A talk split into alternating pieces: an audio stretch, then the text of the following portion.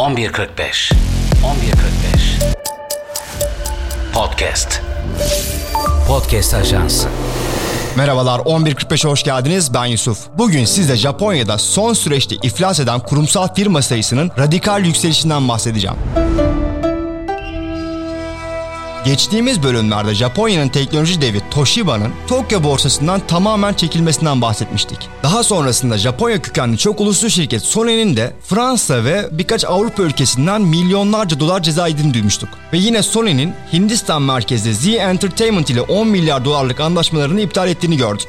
Bu haberler Japonya merkezli büyük şirketlerin ekonomik zorluklarla boğuştuğunu gösteriyor aslında. Fakat sadece büyük şirketler için geçerli değil bu realite tabii ki. Bir kredi araştırma kuruluşu olan Tokyo Shoko Research'un yaptığı bir çalışma Japonya'daki korkunç bir tabloyu ortaya koyuyor. Araştırmada 100 milyon yen yani 68 bin dolar borca sahip kurumsal firmaların durumları incelenmiş. Sonuçlar 2023 yılında iflas eden şirketlerin sayısının bir önceki yıla kıyasla %35,2 arttığını ortaya çıkarmış.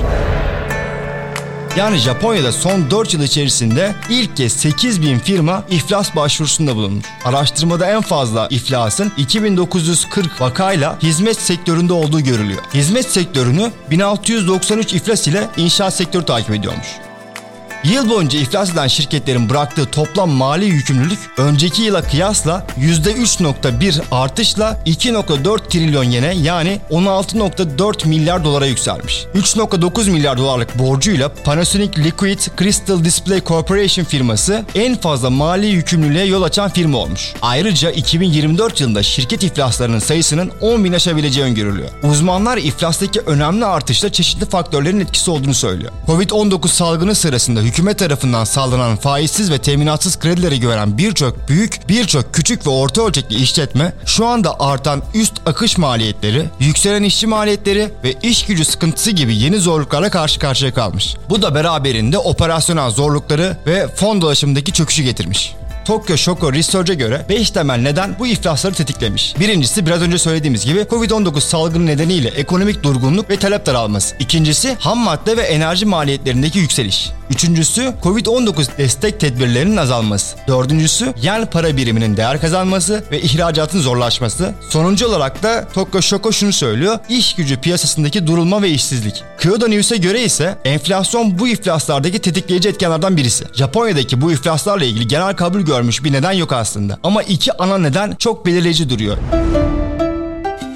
ham madde fiyatlarındaki yükselme, Covid yardımların kesilmesi. Toshiba ve Sony gibi büyük şirketlerin üretimlerini kısa süreli olarak durdurması bile Japon ekonomisinde büyük bir zarara neden olmuş olabilir diyor bazı uzmanlar. 4.3 trilyon dolarlık dünya devi Japonya bu krizin üstesinden nasıl gelecek merak konusu. Bu kriz belirttiğim gibi 2024'te artarak devam edecek diyor bazı uzmanlar. Bazı uzmanlara göre ise 2025 ve 2026 yıllarında kriz daha da büyüyecek. Bazı forumlarda Japonya ekonomisinin kronik bir şekilde düşüşe geçeceğini iddia eden yorumları da görmek mümkün. Peki siz Japonya'daki bu iflaslar hakkında ne düşünüyorsunuz?